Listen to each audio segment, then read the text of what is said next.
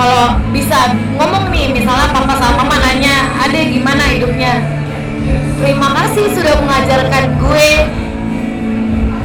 hidup untuk menjadi pribadi ya anjing. jangan bikin keluarga lo besok seperti keluarga lo kemarin udah anak lo jangan ngerasain apa yang lo rasain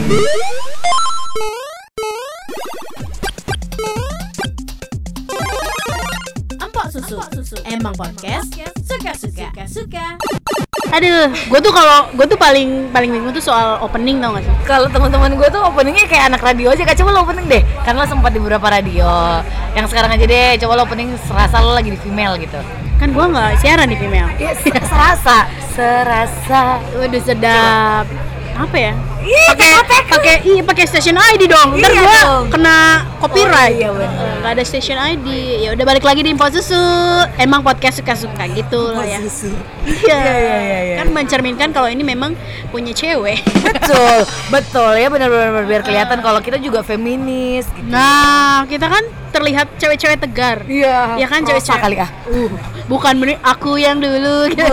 Itu yang beda lagi anjir Nah, kita nih memang memang dari dari penampilan, dari pembawaan, kita gue sih harus mengakui banyak orang yang tidak pernah menduga latar belakang gue. yes Gue rasa juga itu yang sama terjadi sama Astrid, Excelin, Waworuntu. Gimana Siapa sih siapa? Axelin, Astrid, Greti, Waworuntu Oh, Axelin, Astrid, Greti, Waworuntu. Betul. Uh, Waworuntu berarti masih ada saudara sama Jeffrey nggak? kenal gue tahu dia dia kagak tahu gue Oh. gitu kayak emang sebenarnya Waworuntu tuh banyak banget 2000 something cuman kita udah nggak kenal gitu Oke, berarti kita akan membahas Waworuntu siapa nama papamu? Ricky Waworuntu Ricky Waworuntu. Wah, Ambon sekali. Eh, Ambon, Ambon, Manado Manado sekali. kita memang terlihat seperti eh, wanita-wanita tangguh, Uh, let's get ready to rumble! Tegar yang kalau ke mana-mana sendiri nggak masalah. iya alpha woman. Ya, alpha woman bener. Terus kayak kalau nyari cowok tuh ya agak-agak susah nggak sih lo? susah sih karena kan di kita tuh kan jadi kriteria kayak gue udah ngelakuin berapa tahap dalam hidup gue. Kalau lo tidak oke lo tidak akan melebihi nggak apa-apa. At least lo standar. Sesuai standar kita tuh kalau enggak tuh nggak bisa nyet. Ya, susah ya. kan? Nggak bisa Hmm, kak Betul. Gue juga merasakan hal yang sama. tapi jatuhnya egois sih kak Bener. karena Dan banyak tuh cowok-cowok yang bilang sama gue lo tuh ini deh treat egois gini-gini karena jujur semua decision jatuhnya di gue karena itu ke bawah bahwa ya kemarin-kemarin apa yang gue lakuin di hidup gue ya gue harus memutuskan sendiri gitu loh betul alpha woman dan mungkin karena latar belakang yang kita punya. betul Iya kan? Jadi sesuai dengan judul podcast ini insya Allah nanti kalau nggak berubah kan latar belakang prestasi anak-anak korban divorce. wes sedap Iya kan? Karena setelah kita ngobrol punya ngobrol sih. Jadi ternyata dirimu korban divorce. yes Oke, dari tahun Sumpah lo nanya gue kayak gitu, gue langsung berasa jadi mawar Kalau gue lagi Enggak, ini kan namanya beneran tadi. Iya, iya, Astrid, Greti, Waworuntu Iya. sama nama kayak gue juga sama Maggie Morris. Korban divorce nggak apa-apa. Eh, dulu tuh gue gue inget banget waktu gue masih SMA ya, temen gue ada yang pernah ngomong gini, enak ya Maggie jadi lo ke sekolah tuh kayak happy aja gitu, happy nggak pernah kelihatan sedih, nggak pernah apa. Terus gue kayak mohon maaf kalau anda tanya orang tua saya, keluarga saya, nangis kita, ya nggak? asli gak itu itu kayak itu selalu gue lakuin ini gue nggak berharap gue nangis ya cuman itu itu bener sih kalau orang-orang bilang bahwa orang-orang yang terlihat bahagia di depan nyet lo harus tahu belakangnya kayak gimana Eh, ya tadi balik lagi, lu eh, menjadi korban divorce itu dari berapa tahun? jadi gini keluarga gue emang udah eh, tidak harmonis itu dari gue TK kak Oke. jadi emang gue udah tau lah gimana nyokap bokap berantem gimana gue harus nemenin nyokap setiap hari, hari minggu nyari bokap di mana kok nggak pulang sudah pernah ada di masa di mana gue lagi sama nyokap ke satu acara nyokap eh, bokap datang sama Elsie Elsie tuh apa? Elsie tuh yang cewek-cewek yang suka nemenin di diskotik Oh wow, maaf ya aku tidak teredukasi untuk hal itu, jadi aku Iya, tanya iya. aja ya. Karena- Siapa tahu pendengar juga nggak tahu kan. iya jadi pokoknya eh, bokap tuh zaman dulu ya namanya gue nggak tahu ya eh, tipe-tipe cowok tuh seperti apa gitu. Cuman di bokap gue itu kayaknya semua cowok-cowok yang jelek-jelek itu ada di bokap sih. Bokap peminum bokap main cewek bokap ngerokoknya kuat bokap kasar itu semua ada di bokap gitu. Jadi memang semuanya udah gue jalanin tuh dari TKK sampai akhirnya karena mereka sama-sama polisi sebenarnya nggak bisa cerai kak. Oh, jadi bokap juga polisi. bokap juga polisi gitu. Terus baru bisa bener-bener officially cerai itu di kelas gue 3 SMP which is itu di 2009 Oke, berarti dari dari TK ke SMP itu terus konflik tuh ya, marah berantem atau pernah Oh. KDRT nggak bokap ke nyokap atau? wah sering Oh. gue adalah kan gue udah bersaudara gue satu-satunya yang nemenin nyokap visum di rumah sakit Wow. Terus terus terus. terus ya gitu jadi kalau dibilang masalah itu sebenarnya gini bener-bener baru pisah dan gak ada konfliknya itu 3 SD karena bokap mengambil keputusan bahwa dia keluar dari rumah. Gitu. Jadi rumah yang kita berempat itu bokap eh, secara langsung untuk meninggalkan rumah which is gue pisah sama bokap. Bokap ngekos gitu. Bokap ngekos tapi semua SD SMP gue itu nggak pernah jauh dari kantor bokap Oke. jadi biar bokap tetap bisa Bisa ngontrol ngasih, ya ya. gitu begitupun juga kakak gue kakak gue juga sekolahnya nggak jauh gue malah sekolah gue hadap-hadapan sama kantor bokap waktu itu Kok ada yang bikin Ada, sekolah ada. itu ya? Iya gitu. Kebetulan itu sekolah Kristen dan bokap itu pengennya gue masuk sekolah Kristen waktu itu kan. Dan itu bener-bener hadap-hadapan di mana waktu itu gue pertama kali juga dapet kak di SMP itu gue bingung kan ngasih tahu siapa karena yang paling dekat bokap ya bokap yang kayak langsung gercep kayak ade pulang aja karena papa nggak tahu harus ngapain ade pulang nanti tanya mama gitu bokap gue nggak tahu oh ya udah gitu Oke.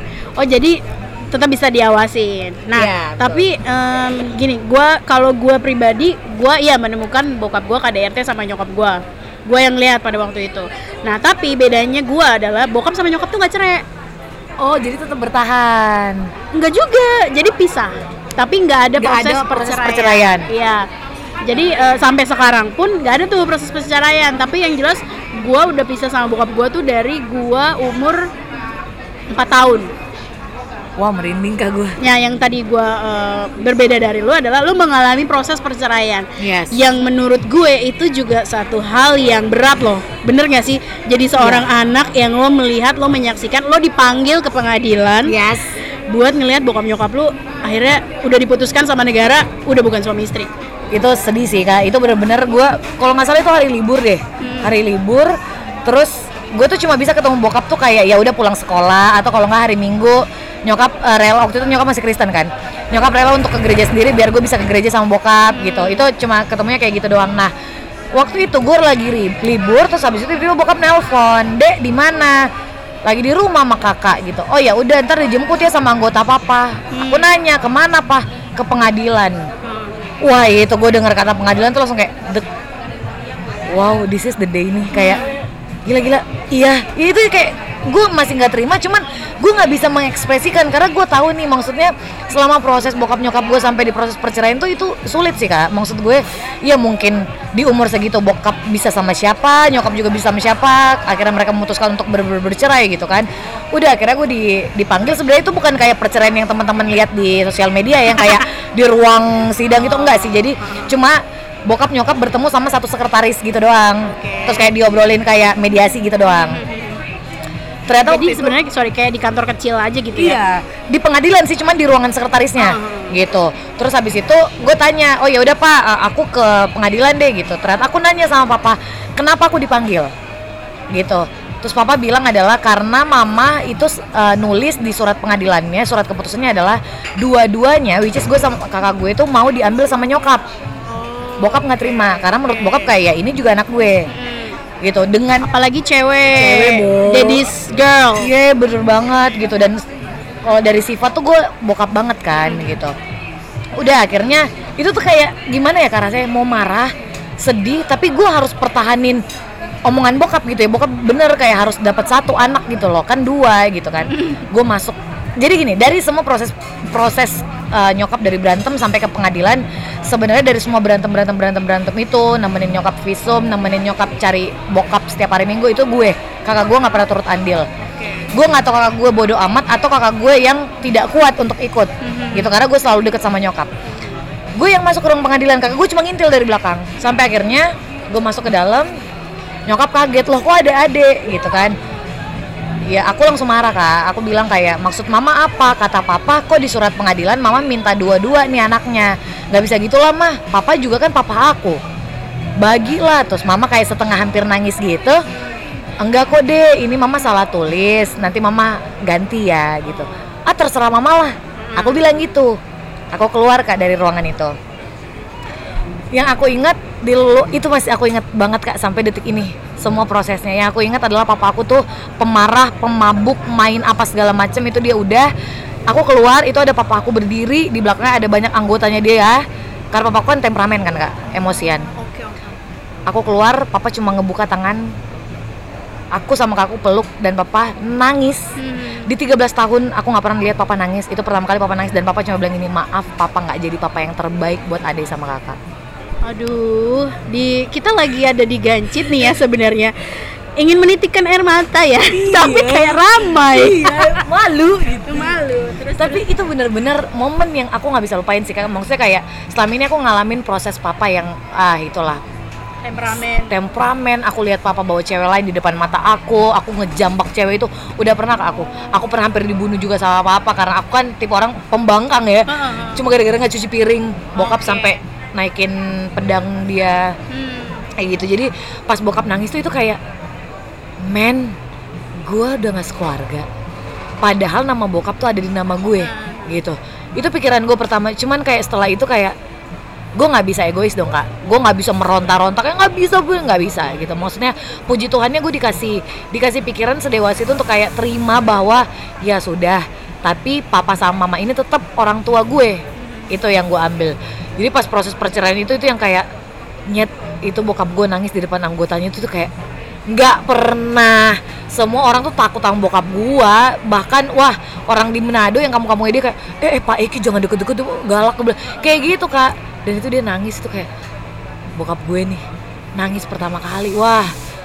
Wah itu kacau. Wah, kacau sih kak. Terus hmm, keputusannya adalah lu dan nyokap Ke Jogja. Ke Jogja. Jadi maksudnya eh, nyokap dapat hak asuh dua-duanya atau? Enggak jadi satu-satu sih. Akhirnya dibagi gitu. Gue sama nyokap karena emang dari dulu nggak pernah pisah ya.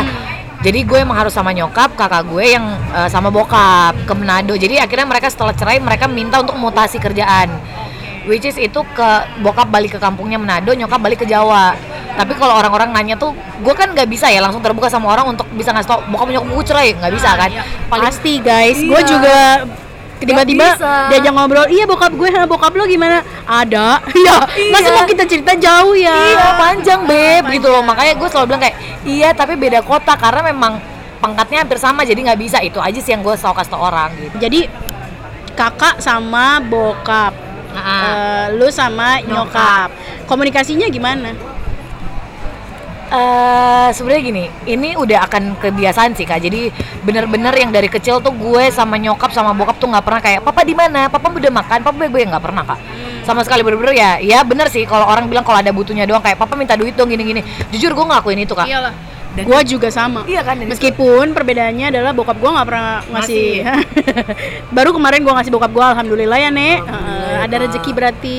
Bener. Eh, terus terus. di aku tuh karena kak mereka polisi, mereka tuh punya eh, ini eh, jatah anak. Hmm. gitu. Jadi kadang tuh gue bingung ketika gue lagi minta duit ke nyokap nyokap bilang loh jatah anaknya di papa. Gue minta di papa bapak bilang enggak jatah anaknya di mama. Jadi gue bingung. Gitu. Sedangkan kan ya namanya orang masih kuliah eh masih kuliah masih sekolah ya masih butuh dibiayain lah kak gitu kan. Ya udah akhirnya tuh kita tuh nggak jarang sih komunikasi. Awal-awal aku ke Jogja itu tuh komunikasinya paling setahun dua tahun aku Natalan di Manado karena mama kan setelah cerai seminggu kemudian jadi Islam kan Oke. gitu jadi aku pindah ke Jogja dengan diriku sendiri bahwa mamaku Islam dan aku Kristen Berarti dari Jogja kamu ke Manado sendiri. Itu di umur berapa? SMA kelas 1 which is 2010 14 tahun 14 tahun udah dari Jogja ke Manado sendiri. Naik pesawat Wow, gua sih terus terang aja baru berani naik pesawat tuh udah sekitar 20 lah. sumpah kak? Sumpah. karena itu tuh udah keadaan sih kak. Iya, jadi iya. kayak nggak karena nyokap juga akhirnya tidak memaksa gue untuk pindah kan pindah agama gitu. Jadi nyokap bilang ya udah kalau ade mau Natalan di papa ya udah silahkan gitu. Tapi ya sendiri nggak mungkin sama nyokap kan. Karena jujur kalau bisa dibilang hubungan bokap sama nyokap sampai sekarang tidak begitu baik sih. Jadi memang mereka bukan jadi teman bukan jadi partner nggak cecetan juga kira Iya, bokap sama nyokap gitu lah. Akhirnya ya udah aku mengalami fase di mana aku di Jogja tinggal bersama mama aku yang Islam dan aku selalu dari aku SMA bahkan dari SMP sih kak. Aku udah selalu gereja sendiri. Oke, apa-apa udah sendiri, makanya terbentuklah mandiri.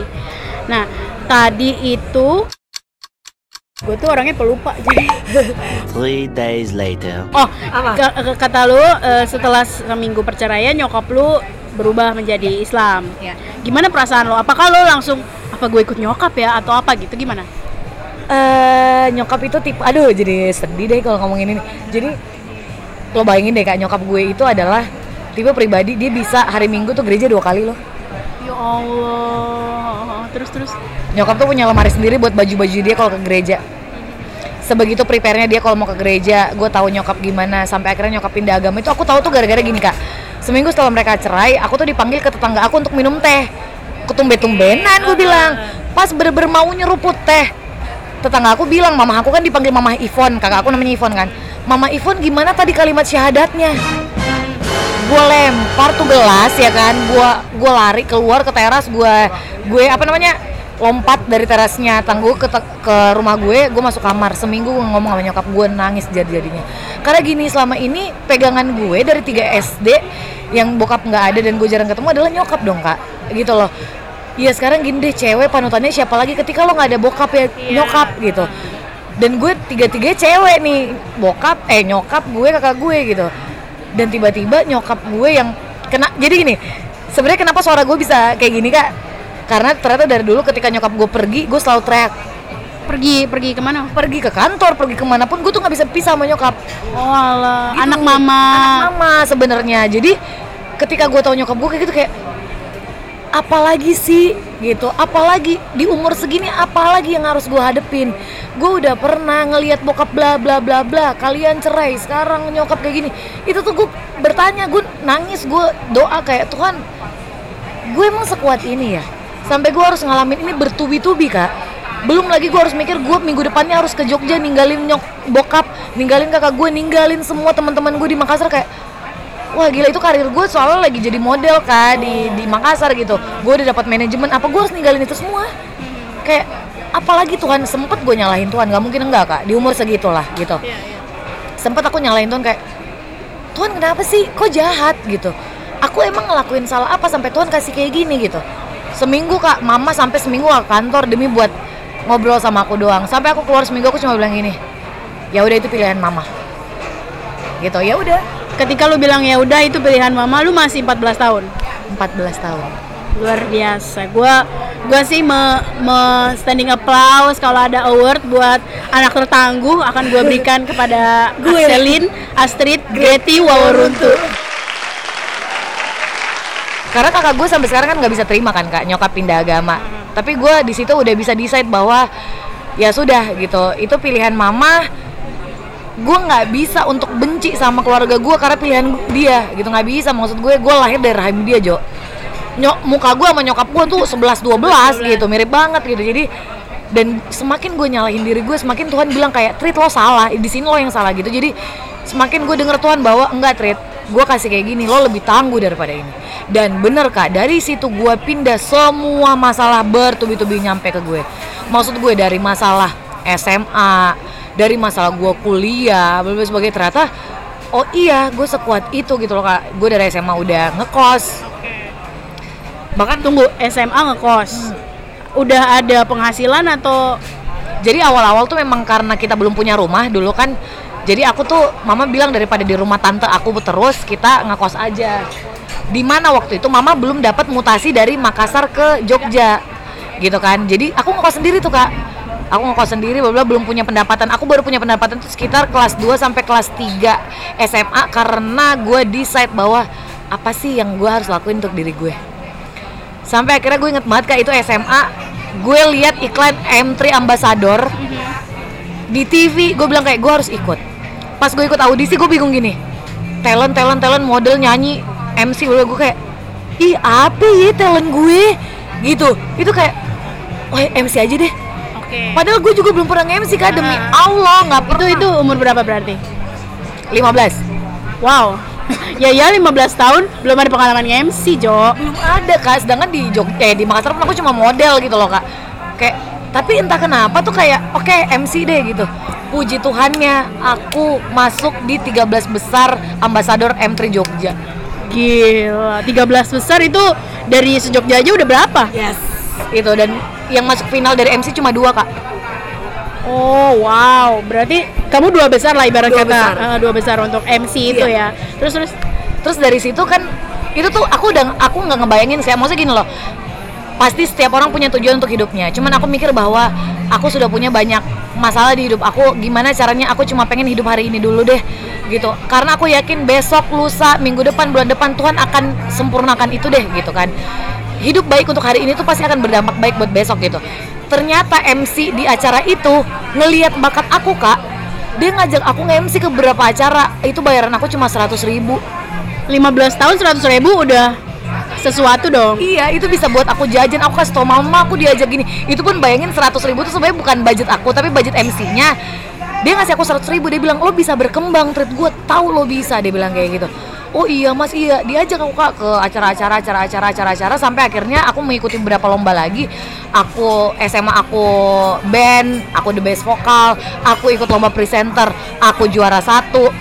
Terus habis itu ternyata ada yang kontrak aku untuk masuk siaran. Wah itu kayak di balik semua masalah yang aku hadapi ternyata Tuhan tuh kasih aku kesempatan lebih banyak gitu loh untuk untuk membuat diri aku lebih bervalue gitu. Karena mungkin Tuhan bilang iya Trit kamu tidak sempurna di bagian kehidupan keluarga tapi Tuhan akan sempurnakan di bidang lain nih gitu. Dan puji Tuhan lancar kak gitu. Alhamdulillah lancar. Ini yang sebenarnya gue mau meng-highlight karena gua yang gue tahu Astrid ini kemarin juga baru eh, juara tiga besar, Tiga besar. besar di eh, aku anak, Anak- radio. gue anak radio. Oh gue anak radio. Which is gue bangga banget karena kayak ya ampun gue ken gue kenal banget Astrid gitu dan gue sebenarnya tahu suara lo tuh kayak gila gue ya kalau gue ditanya gue pengen pengen banget punya suara kayak Astaga. suara lo gitu karena memang berciri khas gitu Iya. kan. Nah, jadi tepat banget sama sama judul kita ini kan prestasinya anak-anak korban divorce. Selain itu ada nggak sih eh, eh, maksudnya yang sekarang lu belum belum sempat sampaikan ke mama gitu ya? Aduh, berat ya guys.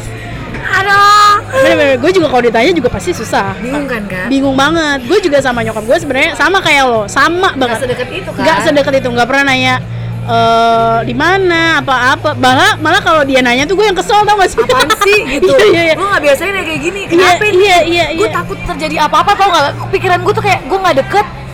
Aduh jangan deh gitu. Iya, iya, benar, benar, benar, benar. Nah, tapi dengan prestasi-prestasi lo sekarang, nyokap pasti tahu dong prestasinya. Iya. Nah, Eh, itu itu sorry, pas lu lu kasih tahu mama atau mama tuh kayak ngelihat dari sosmed atau Oke. Jadi sebenarnya dari gue SMA yang semua gue dapetin puji Tuhan dari SMA tuh bisa dibilang koran tuh nama gue semua kak gitu. Ken- maksud gue tuh gue tidak sebangga itu kak karena bukannya gue nggak bangga ya maksudnya kayak ada kok hal lain yang bisa gue tahu nih dari diri gue gitu. Itu tuh yang kayak gue nggak bilang ke sama nyokap, gue ikut semuanya gue nggak bilang sama nyokap. Gue ikut lomba ini sana sini, gue siaran sana sini gue bilang. Sampai akhirnya ada suatu malam gue inget banget gue buka lemari nyokap, gue lihat ada satu map gitu map eh map ya map Iya, gitu iya, isinya adalah seluruh foto gue yang ada di koran dilaminating sama nyokap gue. Mama tuh nggak pernah kayak aja semangat ya ada gini. Nggak pernah kak. Demi Tuhan. Sampai gue liat kayak gitu kayak oh Tuhan mama aku bangga loh. Gitu kayak wah ini step step satu step di atas untuk membuat mama aku bangga tuh ternyata udah ada nih gitu di sini. Wah itu ah nangis. Yuk nangis loh. yang kita ngobrol adalah memang eh, satu hal yang bisa kita tunjukkan kepada dunia luar adalah dengan prestasi kita. Gue selalu sama kata-kata lo yang itu. Karena memang gue juga merasa hal yang sama kan. Gue eh, eh, bokap, gue nggak pernah tinggal sama bokap. Bokap mungkin juga nggak tahu eh, kehidupan gue sekarang gimana gitu. Cuman nyokap yang lebih tahu dan sama seperti lo, gue juga kalau ikut apa apa apa apa nggak pernah bilang karena kayak ya udahlah ya Iya. satu kalau di gue tuh satu gini gue cantik enggak pinter ya standar, Standar, ya kan iya. kalau nggak kalau nggak menang malu jadi gue lebih kayak ya udahlah nggak usah gitu nah sekarang eh, kebetulan ada backsoundnya ya guys Iya, ini apa sih Jolly Kustik? eh, tapi eh, tadi balik lagi, apa sih yang mau lo sampaikan sebenarnya yang mau lo sampaikan ke nyokap? Kalau sekarang nih misalnya eh, nyokap lagi ngajak ngobrol, gimana hidup kamu Astrid? Misalnya dia nanya gitu, misalnya ada nggak sih yang pengen banget lo sampein tapi nyokap tuh sebenarnya lu mau ngomong ke nyokap tuh kayak apaan sih anjir gitu. Iya. Jadi sebenarnya ya, eh, ini gue harus cerita lagi ya soal backgroundnya adalah eh, setelah gue SMA gue masuk kuliah terus sampai akhirnya gue bisa sarjana kemarin kak. Itu pas gue sarjana adalah karena dari umur gue 17 tahun gue tuh selalu nulis di kertas bahwa Tuhan satu kepengenan Astrid cuma pengen kumpul berempat gue bilang gitu at least 5 menit aja gitu. Dan itu semua kejadian pas gue wisuda gue bayar wisuda sendiri kak. Gue bayarin bokap pesawat sewa mobil hotel gue bayar kebayar sendiri. Itu tuh bener-bener duit aku. Di mana aku siaran pagi siangnya aku skripsian malam aku nge-MC abis itu ada bantuin syuting siapa gue semua kerjain kak. Yang penting itu duit kumpul karena aku bilang adalah aku cuma pengen mereka berempat kumpul. Meskipun setelah itu setelah foto-foto itu kan pas ulang tahun aku kak pas wisuda Makin gede ya backsoundnya, oke. mama dan papa decide untuk tidak menemani aku Hah? Jadi lu udah beliin segala macem Jadi sebenarnya semua kejadian wisuda apa segala macam iya, udah foto iya. Aku udah bilang Aku udah bilang kayak, "Ma, habis ini ma, apa habis ini makan-makan ya." Mama bilang apa? Gak bisa, mama lagi kenaikan pangkat, lagi sibuk. Papa bilang apa? Papa juga nggak bisa, papa harus nemenin tante ini, istrinya dia untuk jalan-jalan Borobudur. Jalan-jalan, oke. Jadi sampai detik ini gue tidak pernah diucapkan selamat ya udah lulus dan selamat 23 tahun tidak pernah. Ya, sama papa, mama, Mama papa. papa mama. Jadi udah hari itu bener-bener kelar, gue cuma nangis kak Kakak gue cuma ngeliatin, gue cuma nangis Dan gue cuma bilang waktu itu Antar papa pulang, antar mama pulang Gak usah ada perayaan apa pun Meskipun dengan semua yang gue udah korbanin kayak Tuhan sudah mengabulkan doa gue untuk bisa foto berempat ya sudah Meskipun di situ teman-teman gue tahu gue sedihnya minta ampun Oke, mungkin mungkin aku tidak bisa mewakili papa dan mama, tapi aku mau ngucapin selamat ulang tahun. Kasih, Meskipun nanti Kak baru Maggie. apa Virgo kamu Agustus. Agustus ya, sama selamat lulus juga. Berarti kamu lulusan terbaik karena semua nyari duit sendiri ya guys. Betul guys gitu aduh Itu sih terus kalau tadi Kak Maggie bilang apa yang akan kamu sampaikan ke mama gitu Actually ini untuk mama papa sih Eh, aduh sampai gatel pala gue. Jadi sebenarnya gue tuh selalu takut kak. Eh, pikiran gue tuh selalu gini. Maksudnya orang tua tuh akan mendapati di mana mereka mungkin amin-amin akan meninggal gitu. Itu yang selalu gue bilang sama orang-orang terdekat gue adalah itu hal yang paling gue takutkan. Karena jujur bisa kok kak gue untuk benci sama nyokap bisa, bisa kok untuk benci sama bokap bisa. Tapi kak kalau lo tanya siapa orang yang paling lo banggain sampai detik ini bokap gue meskipun dengan semua apa yang bokap gue udah lakuin ke gue ya kayak gitu jadi kalau bisa ngomong nih misalnya papa sama mama nanya ade gimana hidupnya? Terima kasih sudah mengajarkan gue hidup untuk menjadi pribadi yang nangis ah terima kasih sudah mengajarkan Astrid untuk menjadi pribadi yang lebih kuat gitu. Jadi kayak apa pun yang gue hadapi kemarin-kemarin percintaan keuangan tuh kayak it doesn't matter lo harus tahu kehidupan gue kemarin-kemarin itu karena bokap nyokap gue yang bikin gue berdiri sampai hari ini gitu. Jadi gue cuma bilang sama papa mama sampai Astrid di Jakarta pun hari ini sendiri tanpa diantar siapa pun. Itu tuh salah satu cara untuk bisa bikin papa mama tahu bahwa ada nama belakang papa yang Astrid sandang. Itu hal yang Astrid banggakan dan itu yang harus Astrid kasih tahu orang-orang bahwa mau kita divorce orang akan ngejudge kita kalau kita bisa berbuat baik kok sama orang gitu. Gue nggak perlu lo harus bervalue sama orang. At least lo ngebuat baik aja sama orang gitu.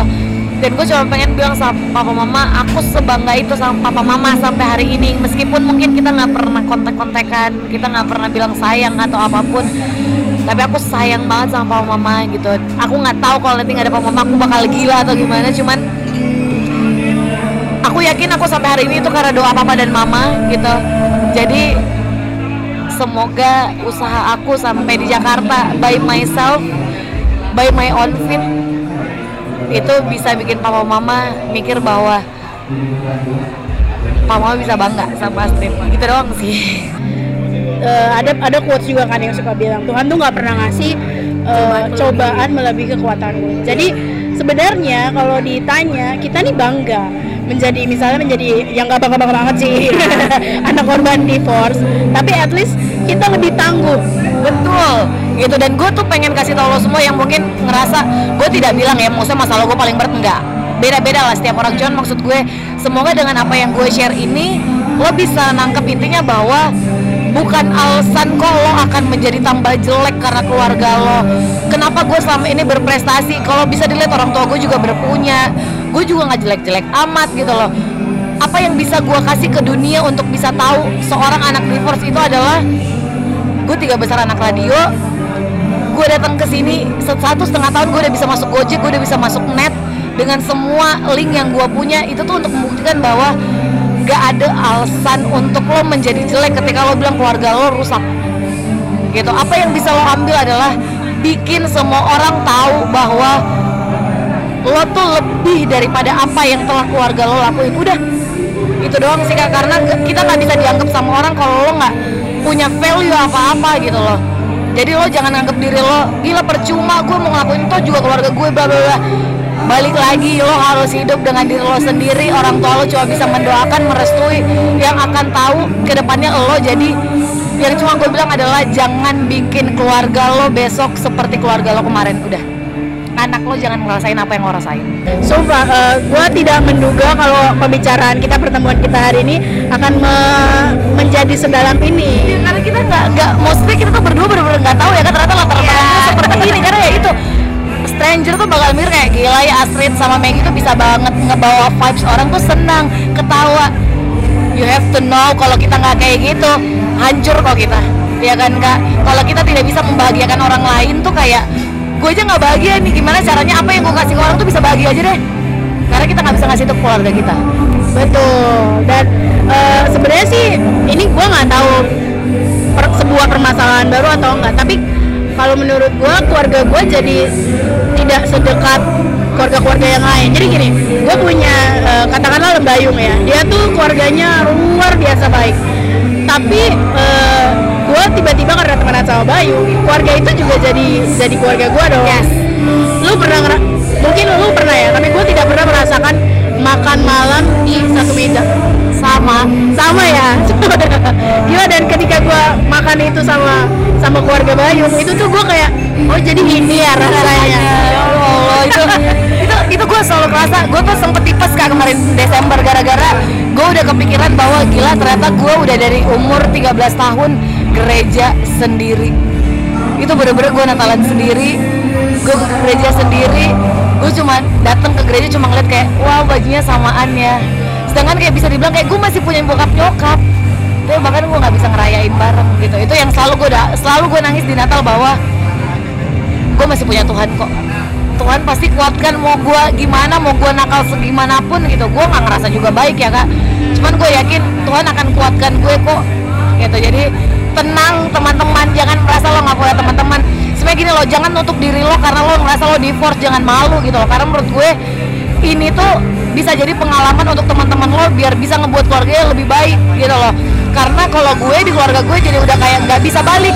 Mereka udah bisa sama keluarganya sendiri gitu papa udah punya keluarga sendiri mama pun begitu. Jadi apa yang bisa lo lakukan adalah jadi inspirasi buat orang lain gitu biar mereka keluarganya tidak seperti kita. Udah itu aja. Itu hal baik kok gitu setuju setuju setuju wah luar biasa gua tau gak sih megang megang recorder ini tuh sampai bolak balik shaking gitu karena iya ya ampun gua gini karena gua akhirnya menemukan orang yang eh, semangatnya tuh sama gitu jadi ada ada beberapa orang yang oh lo divorce ih sorry ya gitu loh lo nggak perlu kasihanin kita gitu Nah, bener bener bener. Atau mungkin ih lo kuat ya. Atau mungkin ada yang divorce juga tapi dia nutup nutupin gitu. Iya. Dia malu. Nah ketika gue bertemu lo ya gue kayak alhamdulillah gitu. I'm not alone gitu Iya, ya bener. guys gitu. Terus eh, tiba-tiba musik habis terus gue lupa. ya pokoknya ini adalah eh, eh, podcast yang kali ini episode kali ini gue berterima kasih banget sama Aci. Iya sama-sama Kak Maggie Ya, ya ampun sudah bercerita ya. Padahal kita kayak ketemu tuh kita tuh baru berapa kali? dua tiga empat deh kak Iya bisa Iya kayak kan? itu lah ya. Tapi pokoknya terima kasih dan aku setuju banget kalau kamu bilang Tuhan pasti siapin semuanya. Even gue sih bukan anak yang kalau lu sering kali ke gereja sendiri, gue sih kayak hari Minggu ya tidur aja bisa nggak gitu iya, ya iya. iya iya. Cuma gue selalu punya percaya itu semua eh, karir gue, semua rezeki gue itu satu dari Tuhan. Yes. Kedua karena doa orang tua, betul iya kan? Kayak gue terima kasih banget sama Acit udah mau berbagi. sama-sama Maggie ya Allah wah seneng deh gue. Lega ya? Kira-kira gue pengen tanya juga sih lo udah berapa kali sih menceritakan ini kepada berapa orang gitu? Mungkin ada beberapa orang yang selalu ngejudge eh, beberapa orang kayak bilang kakak gue tuh bukan seterbuka gue kak gitu. Jadi beberapa orang kayak Trit lo yakin cerita ini ke orang cerita kenapa? Gue bilang sometimes gue mikir kayak karena gue tahu lo nggak bakal ngasihanin gue karena gue udah sudah mencapai standar hidup gue bahkan gue tinggal di Jakarta yang keras banget by myself gitu loh. Jadi kenapa gue sering cerita kak sebenarnya kalau dia bilang seberapa sering kemarin gue juga ada di podcast temen gue soalnya ngebahas heartbreak. Gue bilang heartbreak kemarin tuh gak seberapa nyet daripada hubungan cemen.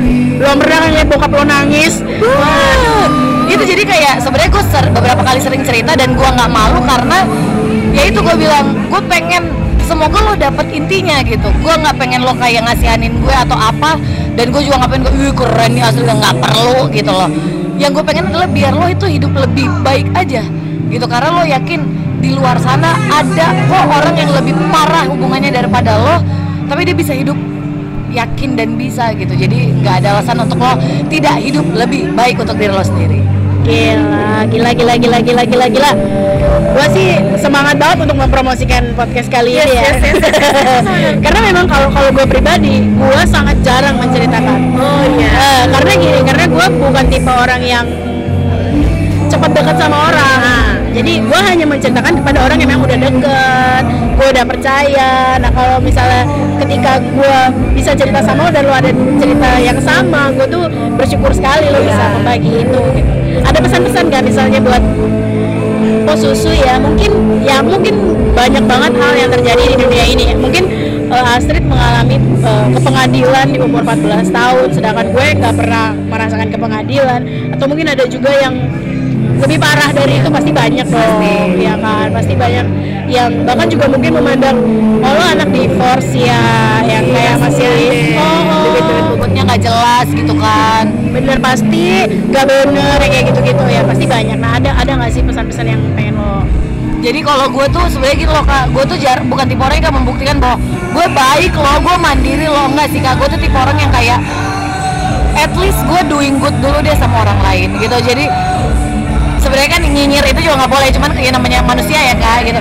at least tuh gue tuh tidak pernah untuk mengatakan gue benar ketika gue salah. Gue mengatakan kalau gue salah gue salah kak gitu. Gue tuh selalu mikir bahwa gak ada yang bisa dibanggakan dari gue seorang Astrid perokok peminum tatoan keluarganya berantakan selain apa karya gue gitu. Jadi itu yang gue pengen kebuktiin ke dunia sama juga tem- mamah gue bokap gue gitu dan teman-teman yang lain bahwa berkarya aja dulu berbuat baik karena value lo akan bertambah ketika pengalaman lo bertambah gitu loh. Jadi jangan takut untuk tahu dunia luar itu seperti apa yakin dan percaya lo nggak punya orang tua lo punya orang tua udah cerai ataupun apa. Udah deh Tuhan tuh ngejaga. Selama lo yakin bahwa lo punya kemampuan itu jalanin aja. Dan selama lo yakin apa yang lo lakuin itu benar tidak salah lakuin aja. Berbuat baik sama orang itu tidak ada salahnya kok. Itu doang sih gue bilang Nothing tulus. Nothing tulus. Betul. Terima kasih Astrid. Terima kasih, Kak Ya ampun, apa ya yang bisa aku ucapin ke kamu? Kamu sudah tegar sih ya. Jadi kayak ya udah mau diucapin apa. Pokoknya aku bangga sama kamu. Oh, Terus aku juga bangga kamu sudah melepaskan diri dari hal-hal negatif. yes Ya. betul orang-orang itu ya kak Ya, orang-orang yang negatif hempaskan saja. Betul. Kalau kata Syahrini karena kamu pantas mendapatkan yang, lebih. lebih baik betul Betul. Oke, kita akan ketemu lagi di posisi berikutnya. yes Apalagi ya, kamu sediain waktu yang banyak dong. ya ayo dong kita mah bisa terus Asik. Oke deh kalau gitu. Terima kasih Astrid. sama-sama kak Maggie tetap di Susu